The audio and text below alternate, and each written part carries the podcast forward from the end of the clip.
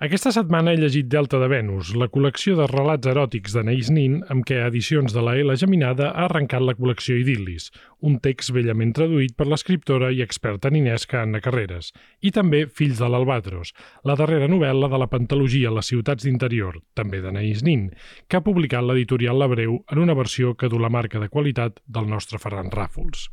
Avui, per tant, ens embafarem de l'obra d'una autora que a Catalunya era popularment més coneguda que llegida, més prejutjada jutjada que investigada i que l'editorial de la Cera Andorrà i companyia ens ha ajudat a posar a l'indret que li correspon. Perquè la prosa de Nin és d'una bellesa descomunal, prustiana, i les seves investigacions sobre la conducta humana a través de la sexualitat no són fruit d'una simple excursionista bohèmia, sinó d'una escriptora amb un nas filosòfic de primera divisió. Llegiu els relats de Nin i aquestes novel·les fantàstiques i preguem tots plegats perquè algun dia disposem del seu dietari traduït a la nostra llengua.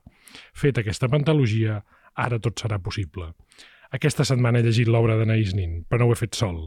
Amb mi ho ha fet el poeta Jaume C. Pons a l'Orla i la crítica Marina Porres. Soc en Bernat de Déu i sou a l'Illa Mayans, el podcast Dona Llibres. This is my island in the sun Where my people have toiled since time begun I may sail on many a sea Her shores will always be home to me. Oh, island in the sun, built to me by my father's hand. All my days I will sing in praise of your forest waters, your shining sun.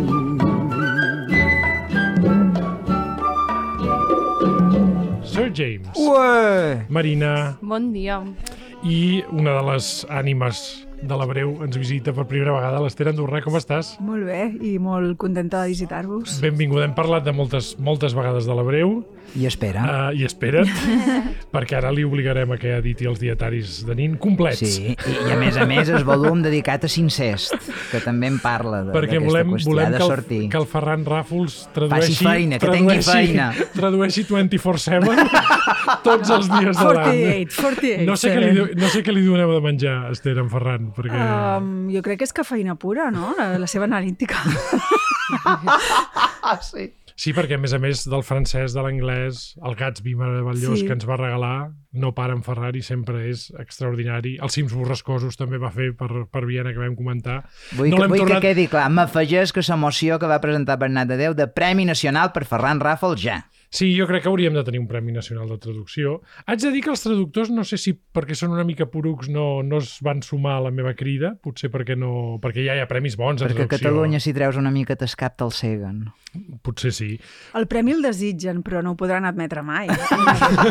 és com, és, és com l'Òscar, vols Sí, dir, no? evidentment. és com l'Òscar i el Nobel, que mai pots dir que el pots guanyar. Això mateix. Però sí que és cert que, i tu m'ho vas recordar, em sembla, Jaume, amb, amb un WhatsApp, en una conversa privada, que tenim bons premis de, de traducció, el Serrador, Sí. l'Aurora Bertrana, però home, jo crec que en un moment, jo diria, excels dels nostres traductors, anglès, francès, tenim uns, uns traductors del rus, fa poc parlàvem amb Sí. Jaume Creus, Sí. extraordinaris, home, un Premi Nacional de Traducció T'he de dir una cosa... pes a la cosa. A veure, el problema dels premis nacionals no és un problema, també és una virtut perquè poden decidir fer-ho d'aquesta manera. Abans estaven compartimentats i abans Sí. havia 14 i n'hi havia d'il·lustració, de còmic, de dansa, de literatura, bla, bla, bla. Vull dir, però a partir d'un determinat moment passen de 14 a 10 i d'aquests 10 ara han passat a 7-8 depenent de l'any. I s'ha de dir que enguany els darrers premis nacionals han vengut amb un premi nacional a una de les millors traductores que tenim en llengua catalana, que és na Dolors Udina. Oh, tant. Per tant, específicament no hi és la categoria de Premi Nacional de Traducció, Traductora del millor escriptor del món, que és el nostre gran Cotze. Cuitzi, i de Wolf, i també en Shinji Ozi, que va publicar La intrusa Amb en aquesta col·lecció, amb les antiguitats.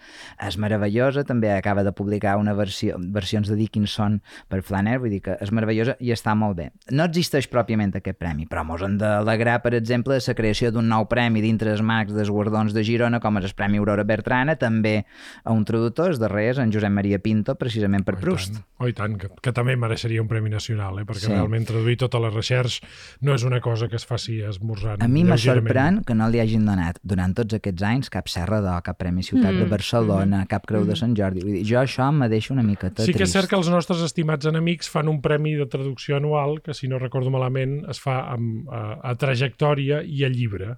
Eh, que si no recordo malament va guanyar el Pere Lluís Font per la traducció Sí. dels pensaments l'any passat Exacte. i després es fa la, el premi de traducció diguéssim per una obra per una completa de, de, de la traducció i pot, trobo que seria una bona subdivisió de Premis Nacionals de Traducció però bé, si algú, qui tingui orelles que ens escolti i parlem de la NIN jo voldria, abans de parlar amb, amb l'Ester que ha fet aquesta bestialitat amb les cinc novel·les que hem, que hem citat eh, de parlar una mica d'aquests relats eròtics Marina, que a tu t'havien interessat moltíssim i a més a més perquè enceten una col·lecció que pot ser molt interessant, la col·lecció Idil·lis de la Geminada, no?, de l'Anaïs Nin Sí, a mi em va interessar llegir-los precisament perquè gràcies a això, les, a les traduccions de l'hebreu, jo vaig entrar a l'univers d'Anaïs Nin, que a més ara ho explicarem, però és una cosa que jo crec que una de les gràcies que ha tingut és poder-la haver anat fent al llarg dels anys, és a dir, que anessin sortint nins i llavors és com que vas acumulant Anaïs Nin al teu univers i ens faltava un dels llibres com més icònics o més citats d'ella, potser d'això molt més citats que llegits, que és Delta de Venus, que és aquesta col·lecció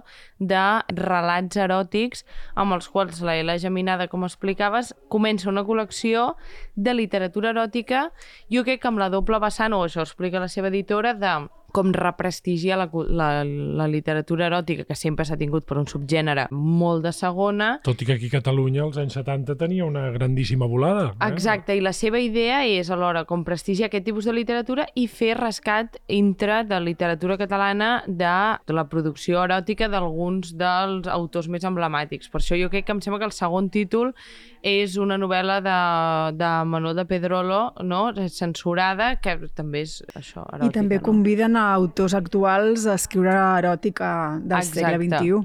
Sí, sí. Exacte. Per tant, té voluntat patrimonial, però també actual, sí, sí. I aquests contes jo crec que són tramposos per conèixer Anaïs Nin, però estan bé com per entrar a la seva prosa, perquè aquests contes de Delta de Venus són un encàrrec que un senyor ric va fer, de fet, a, Henry Miller, el que era la parella de d'Anaïs Nin en aquell moment, que va dir, us vull pagar diners perquè m'escriviu contes porno. I llavors eh, això li va dir Henry Miller, que li va dir a Anaïs Nin de dir que, que això ho podries fer, et sortiria bé fer, et sortiria bé fer això. I efectivament ella ho va provar i ho va fer i li va sortir bé. Són contes on es veu molt com ella està intentant pujar la volada literària dels contes, que va ser una cosa que va tenir conflictes amb el senyor que li pagava, que era com de dir, senyora, menys poesia i més porno, que era el que volia aquest senyor, els contes els volia pel porno i no per la poesia, però inevitablement, i després en parlarem, no, però l'estil Anaïs Nin mm -hmm. és com, encara que ella estigui concentrada a fer un conte porno, és que li surt inflar-ho literàriament mm -hmm. amb el seu com estil i amb la seva retòrica, no? I amb Són les seves contes- categories de pensament, que no, són, no són menors, eh? Per mi una de les coses més interessants d'aquests contes és veure com en realitat despleguen tota una sèrie de temes que ara serien com impossibles de tocar, o sigui, hi ha com incest, hi ha pornografia infantil, hi ha com, eh, bueno, això, els problemes de, de, la, de la pornografia, del sexe per pagament, la relació entre el sexe i la violència... Són tot de temes que es van apuntant com a les novel·les d'Anaïs Nin i aquí, al ser contes directament pornogràfics, es veuen d'una manera més ràpida, més explícita i més directa. És veritat que també és com llegits tres contes, llegits... O sigui, són contes porno, bàsicament. Vull dir que el qui vagi buscant una altra cosa que no s'esperi el que no és. És bàsicament això. O sigui, i per això s'han fet famosos, de fet, no?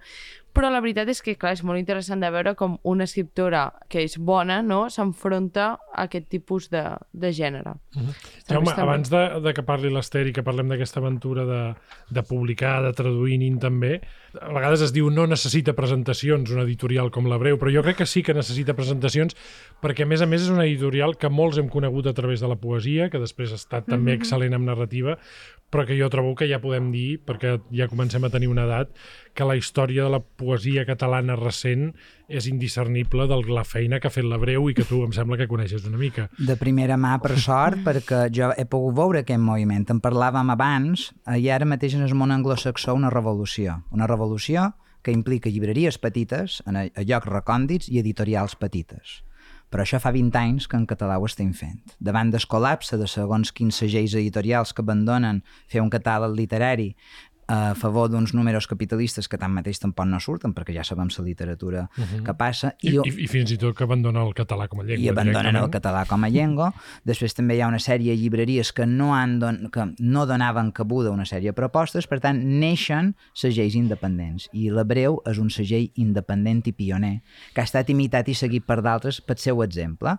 Concentració, un equip que té una idea i una consideració de lo que hauria de ser en aquest cas la poesia, la narrativa en llengua catalana, la narrativa traduïda, llibres amb altres col·leccions que tenen, per exemple, que també varen ser els descobridors de Natina Vallès, per dir moltes altres coses, Gran i, i aquí agafen i diuen, val, aquí hi ha una sèrie de persones que són molt bones, com per exemple el senyor Jordi Vintró, uh -huh. que no, no hi ha manera que publiqui, doncs aquí l'agafam. Aquí hi ha un rapsó de la, de la reòstia que no té els seus llibres publicats, que és en Andreu Subirats, i aquí tampoc és una injustícia poètica. I després tenim en Josep Pedrals, que és un dels poetes més importants d'ara, que evidentment ha de publicar, i vo nosaltres volem ser la seva casa editorial, això és la breu. La poesia a la Batra comença amb aquests tres, que són persones que han format part i que continuen formant part del catàleg. Ara fa poc van recuperar eh, Insuficiència mitral d'en Vitro, que també és un llibre fundacional, Premi Aula de Poesia, va sortir a Lumen, una delícia introbable, que era bilingüe, i han mantingut el bilingüe, i a més a més en renovacions i amb noves incorporacions. Això per parlar de poesia. Doncs el mateix passa amb narrativa. En narrativa catalana hi ha una necessitat d'acollir aquelles noves veus, comencen precisament amb Mats Besora, comencen amb Jordi Noca, mmm, publiquen una sèrie de noms que per altra banda serien molt difícils, com per exemple Joan Jordi Miralles o el mateix Jordi Cussà, Formentera Lady va, la primera edició va sortir amb ells, i a partir d'aquí se converteix aquesta col·lecció que se diu Cicuta amb una broma de la casa, perquè la Breu havia, havia de ser la Breu perquè era una editorial suïcida que no aguantaria, doncs ja duim molts anys.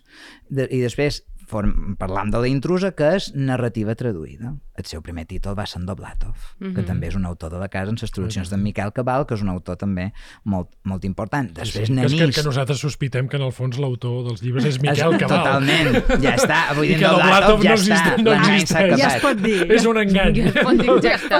Ja es pot dir. I jo acabaré en dos apunts que, si parlant d'en Doblatov com a inici, Nana Isnin ha estat a la intrusa des del principi. Mm. I per tant és molt emocionant haver pogut llegir tot aquest cicle a les ciutats d'interior al llarg de la història. Mm -hmm. I és molt emocionant veure com ara arriba en aquest final, a veure què passa a continuació. I l'altre punt és dir que una editorial independent que semblava que havia de durar quatre dies, la breu, suïcida, quatre locos esbojarrats, acabarem amb un altre punt que parla de la situació a Barcelona, que va néixer l'original, que era un punt de contacte, era un punt de trobada, l'original ja no existeix perquè l'han tancat, Ha transmutat, que dirien. ha transmutat no? d'una altra manera. El cicle continua, però l'original, l'espai ja no existeix.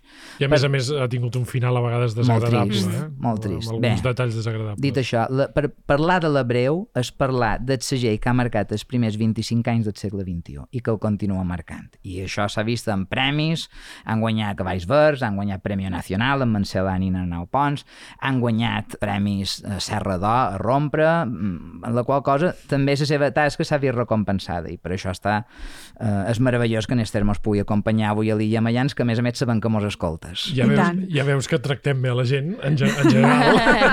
Amb Un bon to- resum, un bon resum. Ara parlarem de la intrusa, però la col·lecció de la Batra, quants números porta? Perquè ja Uh, estem... 130. Que, 130. és que quin any comença Vam- la breu? és Que, si no ho hem dit. Nosaltres mateixos no ho sabem, perquè vam treure un primer llibre de broma, que era un anti-Sant Jordi, amb una mena de còmic, eh, que vaig fer una parada a Missa Passeig de Gràcia, que els vaig acabar tots, i això va ser el 2004. Val. El 2005 vam publicar els llibres de paper de vidre i unes plaquets amb fotografies meves i poemes de Josep Pedrals i del Mar Romera. Val. I el 2006 comença la debatre, que és quan en principi ens comencem a posar seriosament, a, doncs potser sí que fem llibres i també fem el de la Tinalla Vallès i llavors mm, anem fent. Val. Però vull dir que és una, una engegada paulatina O sigui, sense cap intenció de futur, sobretot el primer llibre era una broma i teníem que treure una marca per treure l'ICBN, res més. Però després es va engrescant, es va apuntant gent, um, va, ser, va ser la típica conversa de bar que no acaba en res i ha acabat amb 20 anys de llibres, però d'una manera molt natural. Uh -huh. I, lla I llarga vida. Parlem de l'aventura d'Anaïs Nin. Per Sí. què decidiu impulsar aquestes traduccions, aquestes novel·les? Per pura curiositat. O sigui, nosaltres a la intrusa, com, que la intrusa segons com, com podria ser la mateixa Anaïs Nin, no? La intrusa a Mhm. molts llocs, a l'estrangera, doncs mm, la coneixíem, l'havíem llegida en edicions antigues, per exemple, Una espia a casa de l'amor, quan la vam treure, havia estat en una, en una edició anterior a prova als anys 60 però ja no es trobava. Llavors, um, la vam tenir que robar per llegir-la d'una biblioteca d'institut, no? I dius, mm, perquè ja no hi havia ni a les biblioteques públiques no es podia trobar el llibre. I. I, i jo l'havia llegit en castellà sempre. Clar, Sí. algun, i- algun volum dels dietaris, alguna selecció, però... Teníem miquetes i si no Miquetes, havíem de canviar de llengua i vam dir per què no ho fem en català, però els primers que vam fer és una espia a casa d'amor, que és una part de la pantalogia, però hi havia el de dins d'una campana de vidre de relats que va a part, que el vam Mhm. treure bastant seguits tots dos. Sí. Però llavors érem, anàvem a fer aquests dos i ja està. Però llavors ens vam engrescar perquè vam descobrir el, les ciutats de l'interior, el que són els cinc títols, i clar, no, no hem anat ràpid, us hem donat temps a llegir-los perquè hem, els hem esglaonat i els hem fet en 10 anys amb tots aquests llibres. I llavors l'ordre tampoc era el de publicació d'ella, perquè clar, com vam trobar per atzar el primer, diguem, um, vam anar estirant que llavors cada protagonista, la Lilian, la Juna, la Sabina, vam fer els tres monogràfics primers i els dos que eren com els més teòrics, els de presentació, no els hem fet de presentació, sinó que els hem fet conclusius Mhm. que són l'Albatros i l'escala de foc. No? Que vull dir que és... eh, Jo trobo que pel lector és molt millor haver conegut abans um, les interioritats d'elles i els seus mons i les seves sinergies i moviments amb els altres personatges perquè quan es troben, com bé sabeu, és la reina de l'elipsi en el que explica, doncs si tens aquell context, doncs és com si t'asseguessis a taula amb elles quan ets al cafè de l'Albatros. I, I és una intrusa també perquè és un d'aquells personatges de la literatura universal que el personatge s'ha menjat a la, a, És que una de les coses el que que volíem llegeixes al final i quan llegeixes dius però sí que hi ha una autora que jo...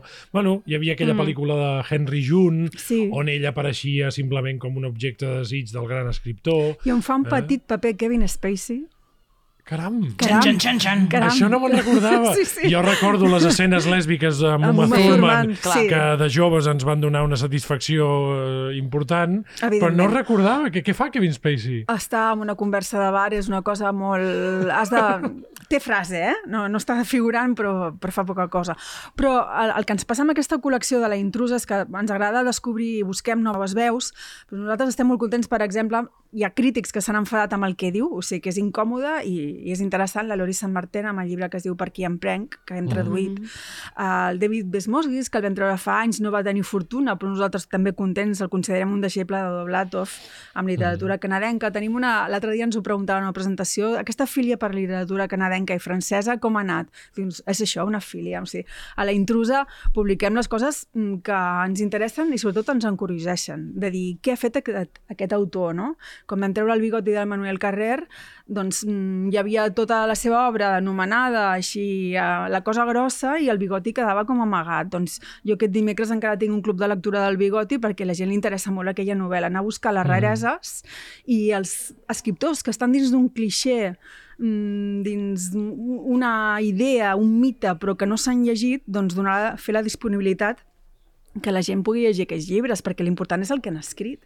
I llavors, clar, um, ho parla, amb, amb, amb les noies d'Idilis estem fent presentacions conjuntes i est està molt bé, però nosaltres tenim visions d'ella a l'hora de publicar-la molt diferents. O sigui, nosaltres, per exemple, vam renunciar des del principi a anar a l'obra eròtica. Mhm. Perquè vam dir, uh Mhm. -huh. l'obra eròtica, mm, primer l'escrivia a un dòlar la plana mm, perquè necessitava els calés i quan havien passat molts anys, com gairebé 40 anys, va dir, calla, que això encara es podrà publicar. I llavors ho va reescriure i també hi ha aquesta part dels els idil·lis, ho parlàvem amb elles, no és el relat que va rebre aquell senyor, perquè ja jo ho trobava impublicable i ho va tenir que reescriure.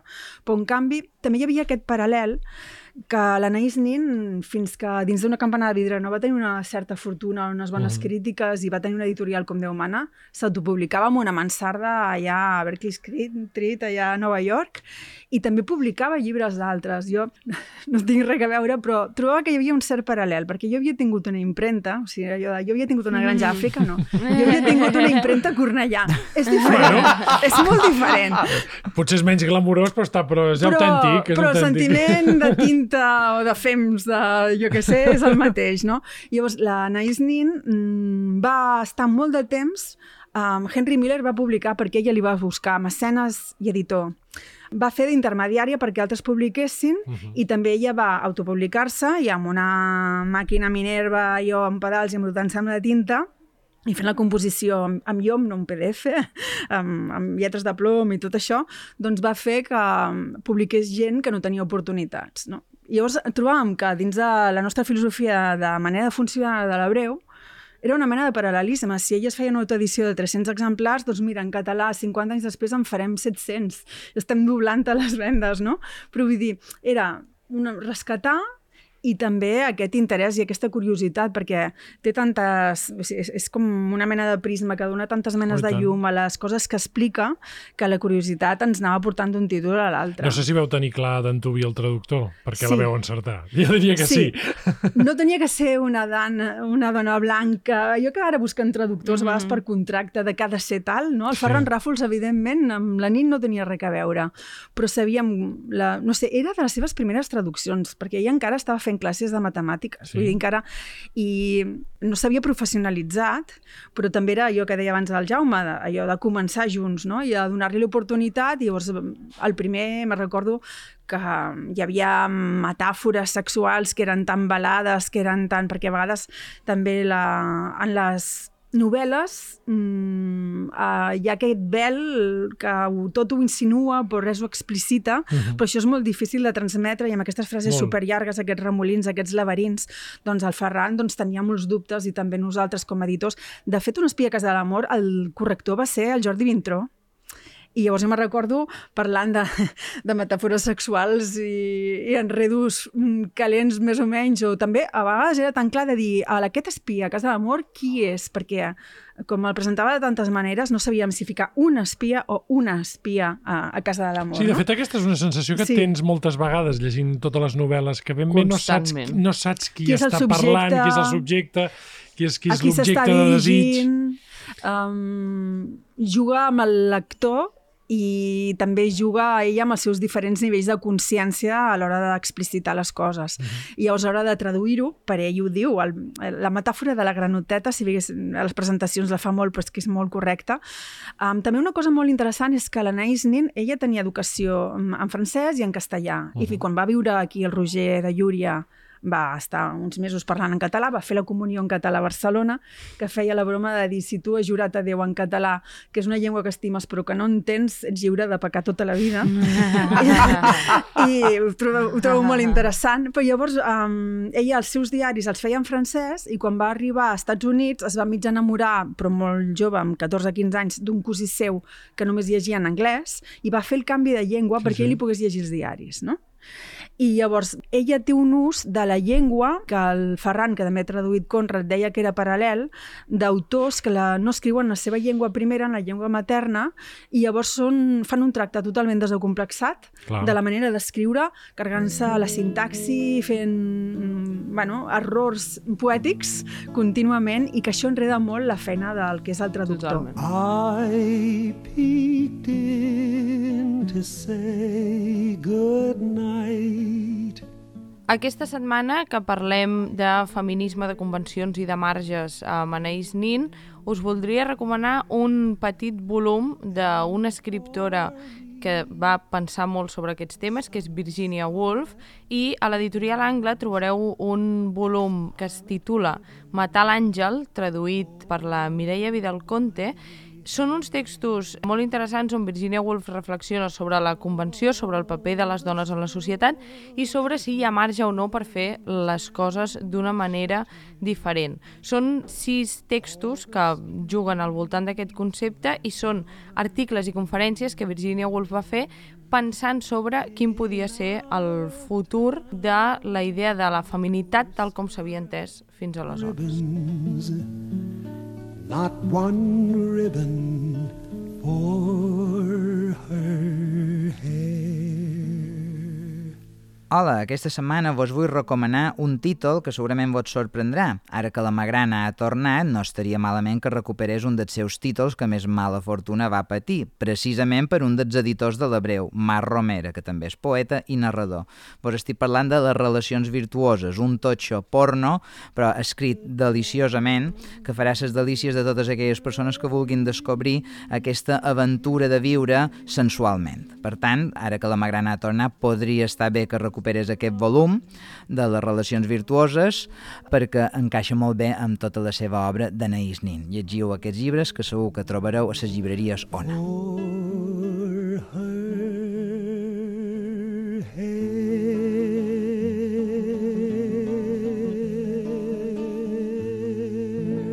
Jaume Marina, per qui no s'hagi encara endinsat en aquest personatge, més enllà del personatge, eh, a mi m'ha sorprès la...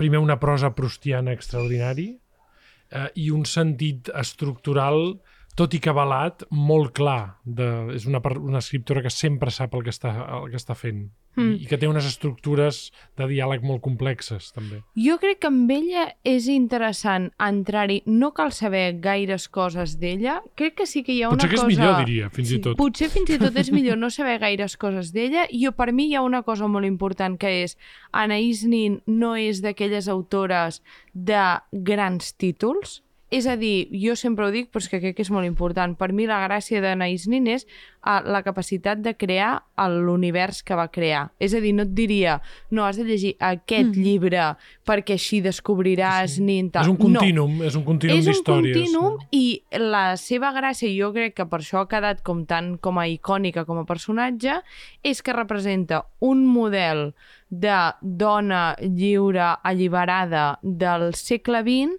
que es va construint a si mateixa lluny dels discursos dogmàtics i que la gràcia precisament és d'ella és com ella va pensant les coses, com ella es va construint a si mateixa, com lliga pensament i experiència. Ara que l'Ester està explicant de dir no, hem deixat com els més teòrics pel final de llibres, són igualment llibres de narrativa, però és veritat que ella el que fa és barrejar molt la teoria, sense ànim de doctrinar, eh? simplement la teoria sobre què pensa ella sobre les coses, amb una narrativa més de l'experiència i als diaris això és com el, està com confirmat fins a, fins a l'última conseqüència, no? Com tota l'estona ella el que fa és posar a prova el pensament amb l'experiència, pum, pum, pum, pum, fer-ho xocar per veure què aguanta i què no resisteix. Però té igual de força, que això és el que m'ha sorprès. És que és, és, és Perquè la jo, gràcia jo esperava que el cantó de l'experiència fos molt, molt bellament descrit, però quan veus les estructures de les coses que està explicant, com les persones es van despersonalitzant, com els personatges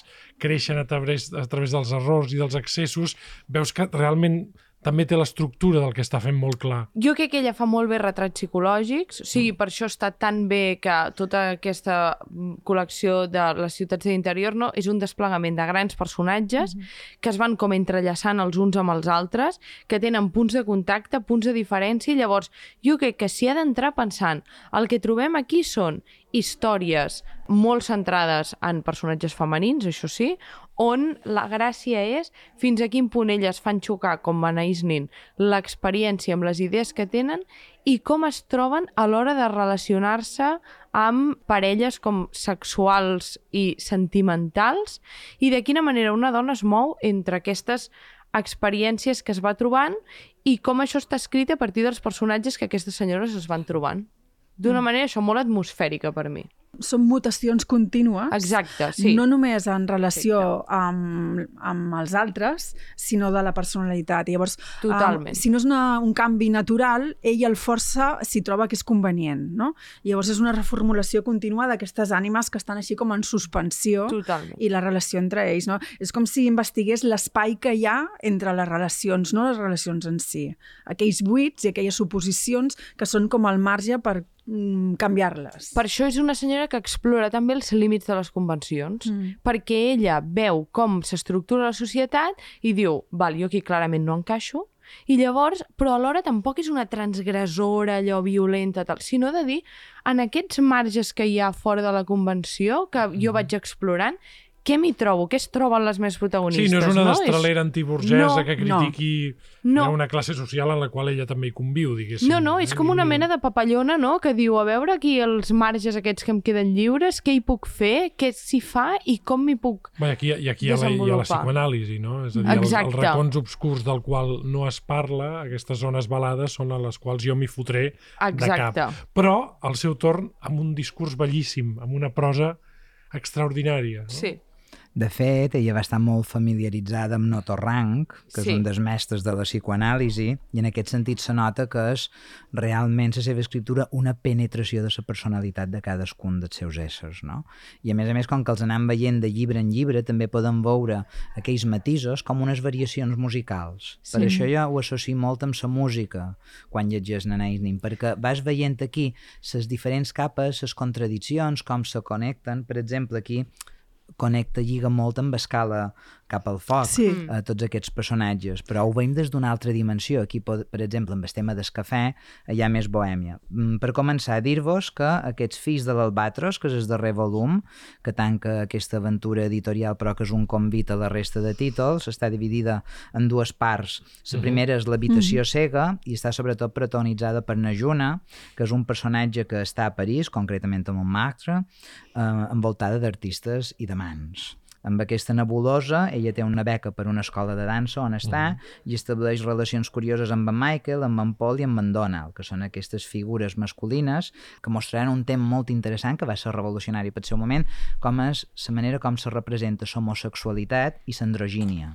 I en aquest sentit són temes pioners que avui en dia són molt moderns i que ja hi ha molta literatura voltant d'això, però que Nana Isnin aquí estava tocant un material sensible per primera vegada. En el següent eh, text, que se diu El cafè, ja veiem aquesta relació, no? com aquestes converses, aquestes relacions entre ells, i tornem a veure na Juna, però al costat de na Sabina, na Lilian i en Jay, que ja havien tingut aquestes trobades amb ca escala cap al foc. Per tant, són novel·les d'aprofundiment psicològic, la prosa jo sempre dic que és molt sensual sense caure en la sexualitat explícita. És sensorial. És sensorial, Sí, sí, sí. sensual i sensorial i molt poètica. En aquest sentit, aquesta vaporositat de les obres de Nanin fa que ho puguis agafar per molt cantons i que no s'esgoti mai. Jo, per exemple, me'n recordo haver llegit altres títols endarrere i a mesura que vas llegint i rellegint pots omplir els buits. Per això també és, és tan interessant llegir en Isnin amb la seva escriptura no tant pel personatge, perquè bàsicament és una autèntica escola d'escriptura per dir, escolti, podem fugir dels models de prosa, de novel·lística i de narratologia convencionals i acostar això, com Ana Maria, un territori de marges, de Sí, perquè fronteres. de fet els personatges sempre queden en certa manera desdibuixats perquè, perquè l'important és la dinàmica que hi ha No, entre que ella ells. deia que, de fet, té un llibre posterior teòric sobre la nova novel·la com hauria de ser. Diu, si les altres arts s'ha trencat eh, amb la pintura, amb la composició de música, diu, perquè encara s'estan fent, sobretot als Estats Units, el que és una novel·la molt narrativa i molt lineal. Diu, hem d'anar cap a una altra banda, no?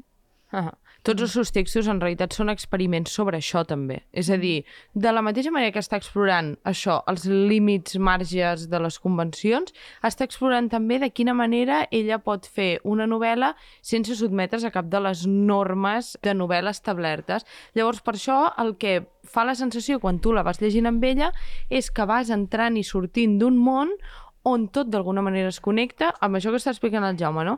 Artistes de Montmartre, allò, pintors, escriptors, gent de la Gent abs- bohèmia, gent absurda. gent absurda, gent perduda, gent que Gent que simplement... viu amb una barcassa en el riu, per Oh, exemple. oh, no que allò és recordeu? molt- Oi, oi, oi, oi, que, quina El- cosa més maca. Allò és molt bonic. Aquell port es- Allò és molt bonic. absurd. Però la barcassa, que entra i surt. la barcassa que té és la que Sí, sí. imagina, perquè de fet ella va anar amb una barcassa molt més miserable, molt plena de rates i feta un fàstic.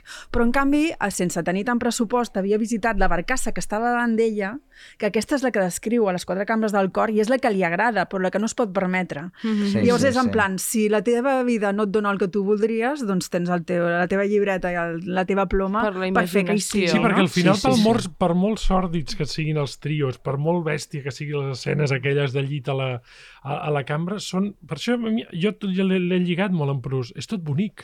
Bé, Ah. Ella era una fan absoluta de Sí. Proust. És que és tot, Sí, sí. és tot Sí. d'una bellesa que I dius... això es "Hosti, quina- nota. Sí, quina i, sí, i, sí. I els finals de les frases són proustians. Hi ha una manera d'aquella que té d'allargar, que diu... Una cadència, no? I va fent nyigo, nyigo, Sí. nyigo, nyigo, Però que més és que una només agafa, i això es nota molt que ella treballa com a escriptora així, agafa de tothom el que li interessa.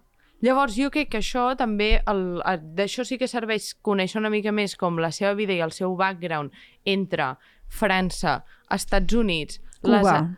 Cuba eh, això, la, Però també la hi ha tradició. tots els seus pacients, perquè ella amb l'autorank, o sigui, el seu, feia el que no s'ha de fer, allò d'enrotllar-te amb el que et psicoanalitza no s'ha de fer. Però no és el, només és això. el P3 de psicoanàlisi. És el sí. P3, però ella ho feia com un desafiament, no era una seductora així reiterativa.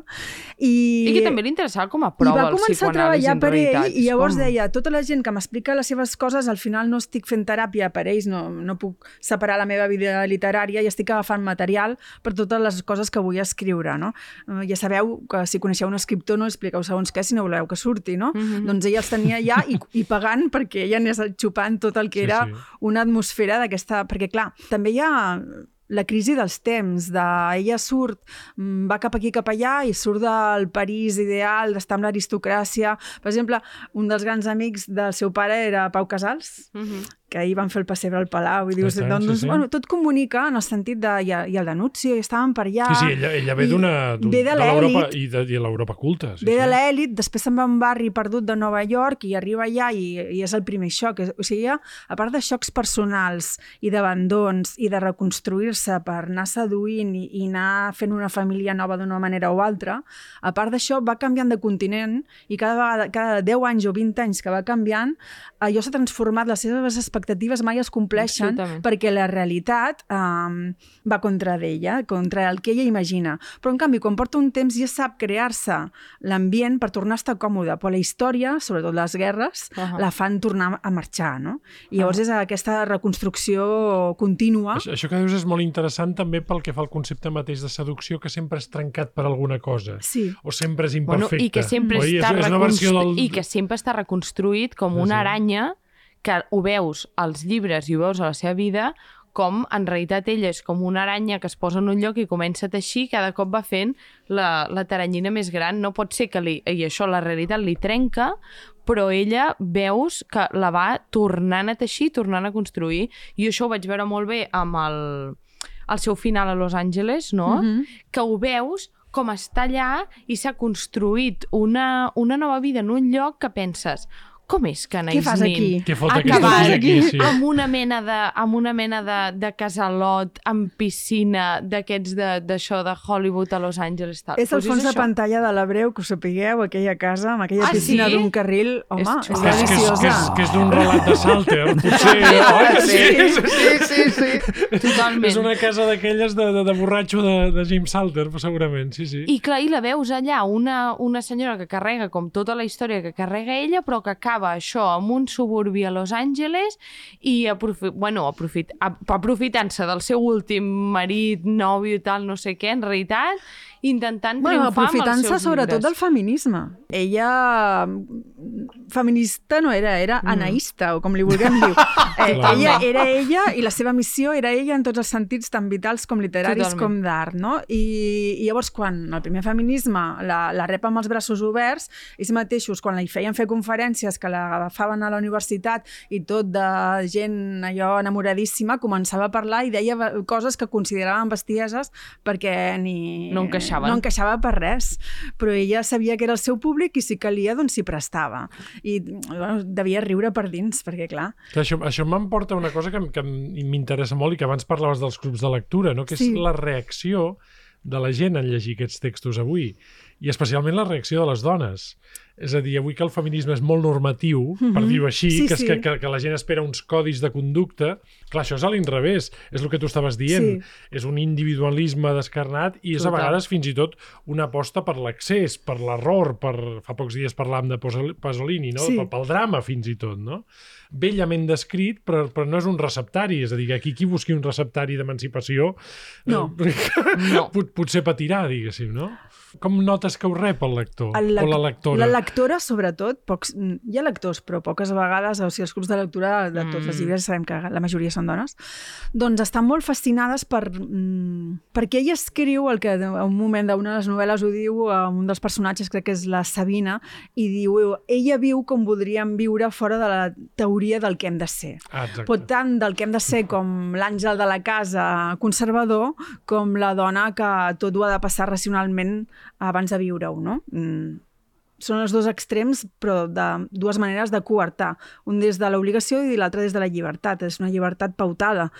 Llavors ella no, ella trenca els esquemes contínuament i ho posa en dubte. A més, no ho fa d'una manera, jo crec que això per això comunica, perquè no és dogmàtica. Ella mm No. -hmm. presenta, suggereix, dubta. Ella dubta contínuament i llavors aquests dubtes, doncs, a l'hora de la lectura, doncs, et fa pensar, són abocadors, um, és com una mena de somieig que dèieu abans i és aventurera, però és dòcil amb el lector, és, uh, conquereix els lectors. És veritat. Sí, sí. És veritat, no Sí, és agressiva, oi? No, no, és Estic totalment persuasiva. d'acord. Crec que ho, ho has definit de manera mm, mm, fantàstica. És una prosa molt onírica. Mm. I vas entrant eh, els elements de les politges, dels mecanismes de les trames, brillen per la seva absència i són però molt subtils i per tant aquí el que vas veient és, és com aquesta una, com una pel·lícula muda jo a vegades penso com si fos una pel·lícula Sí. d'aquestes en blanc Sí. i negre amb aquests moviments sinuosos amb molt de fum molt d'alcohol al fons No, no, hi, no hi ha el Bourbon i el color No, del Henry no, Miller, no, no, que, no. que, que veus, No. veus el Bourbon i la llum tot allà, el no, al contrari. contrari, tot de fet, contrari. si tornem a, en aquest mecenes que els hi va pagar, tu veus els dos, que són Delta de Venus i Opus Pistorum, Uh -huh. i Opus Pistorum anticipa el que serà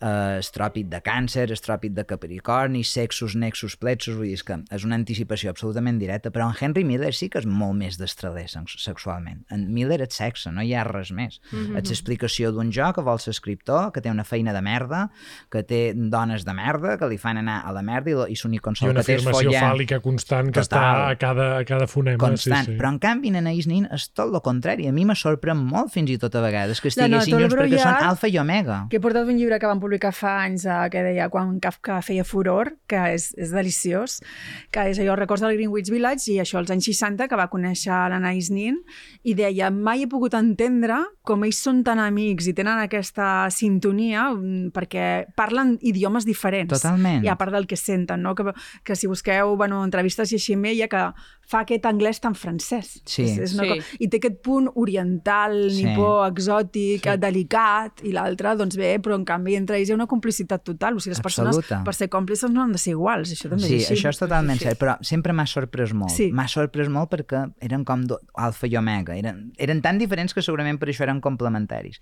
I se varen ajudar durant tota la seva Mm. vida. Van mantenir una molt bona relació sempre. Però és així, vull dir, Henry Miller és com una pedra i, i na Anais Min és com una boira, mai tan ben dit. Per qui no vulgui començar amb les 5 de cop i en Sí. tria alguna per començar, quina diries? Quina li recomanaries que fos la, la porta d'entrada de la pantalogia? Jo faria al principi una espia a casa de l'amor, uh, perquè allà ella defineix molt el, defineix la, la indefinició, no?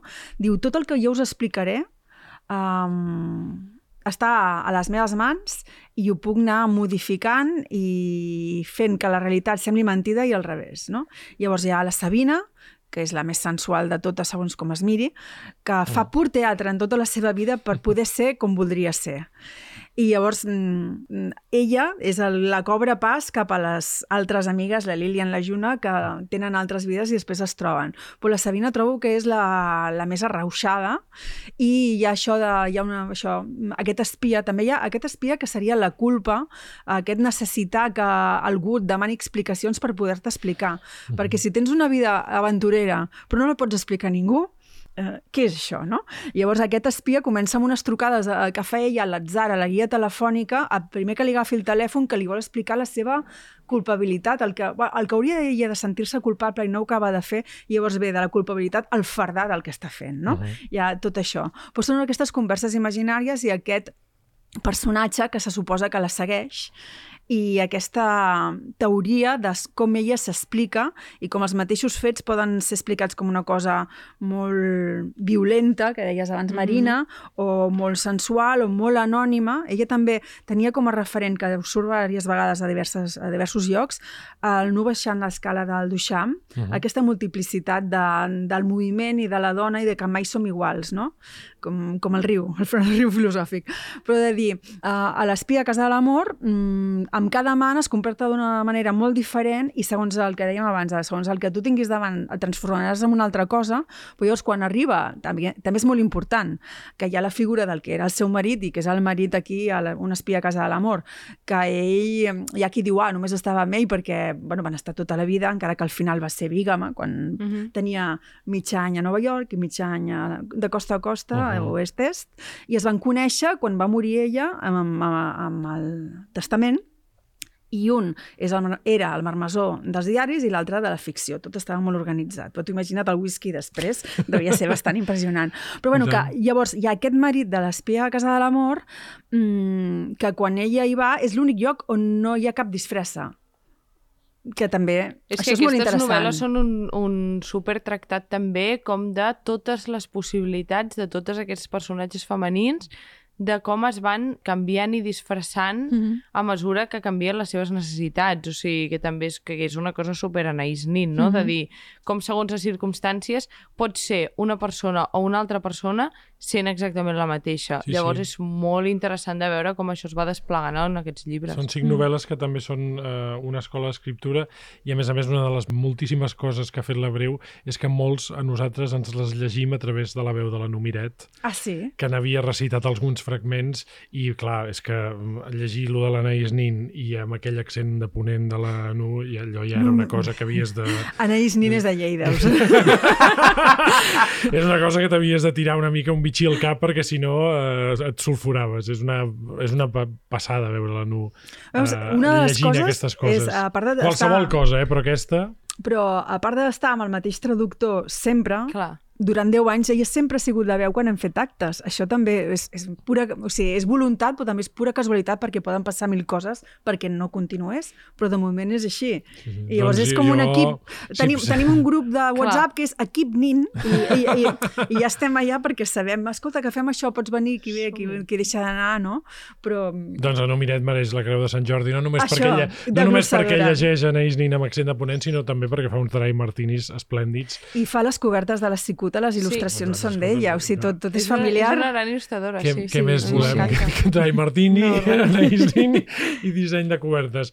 Uh, senyors, uh, i Esther, moltes gràcies per haver vingut. A Tornaràs vosaltres. perquè jo, jo espero que algun dia publiqueu els dietaris, almenys una selecció. Sí, això que ja és, és, és, projecte, és molt, no és, és projecte, molt, és no que és molta, dir. és molta teca. eh? Demanem-li, demanem-li. Hi ha qualque cosa sí. nin pensada Però això el Ferran ho pot fer en un parell de setmanes, no? amb un meset. Ell mateix pot fer Els llibres que l'antologia, pot editorials triar-ho. publiquen és un, fu- bueno, un cúmul d'atzars que mai se sap, o sigui, ja ho veurem. Eh, si, si, si es fa, tornarem a convidar-vos i llegiu aquestes uh, novel·les i llegeu tot el que publica la Breu, que val moltíssim la pena. Moltes gràcies, Esther. Gràcies a vosaltres. Gràcies. Gràcies. Papallones van volant quan m'abraces per davant. Tot el temps que t'he pensat, ara ja te puc tocar.